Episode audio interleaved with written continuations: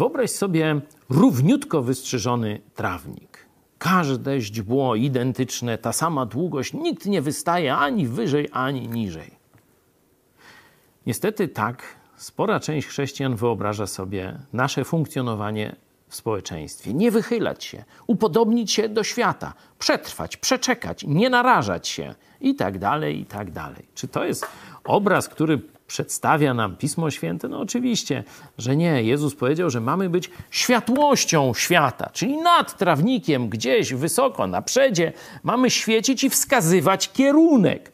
Ludzie, idźcie w, tą, w tę stronę. Ale jeśli ty masz tak świecić, to trzeba też się z tym liczyć, że spora część świata nie będzie tego rozumiała, będzie cię zwalczała. Ale ty dalej masz świecić, dalej masz wskazywać kierunek. Ci, którzy szukają Boga, pójdą za tym kierunkiem, pójdą w tę stronę.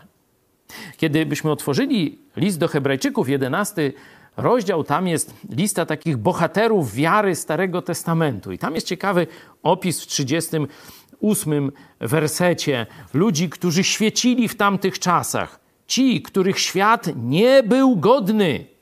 Byli wyrzuceni, tułali się po pustyniach i górach, po jaskiniach i rozpadlinach ziemi.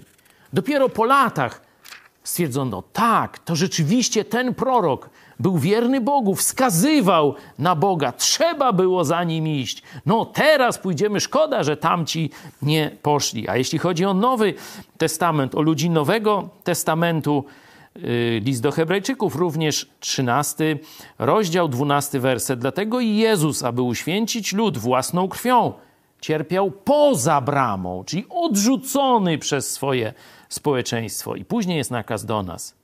Wyjdźmy więc do Niego poza obóz, znosząc pohańbienie Jego. Często tego, co my dzisiaj robimy w społeczeństwie, nasi, powiedzmy, rówieśnicy dziś nie zrozumieją.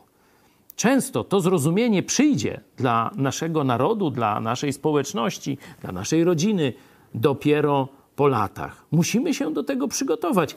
Taka jest nasza rola. Jezus poszedł pierwszy, my za nim, żeby wskazać kierunek, a nie żeby się upodabniać do tego świata.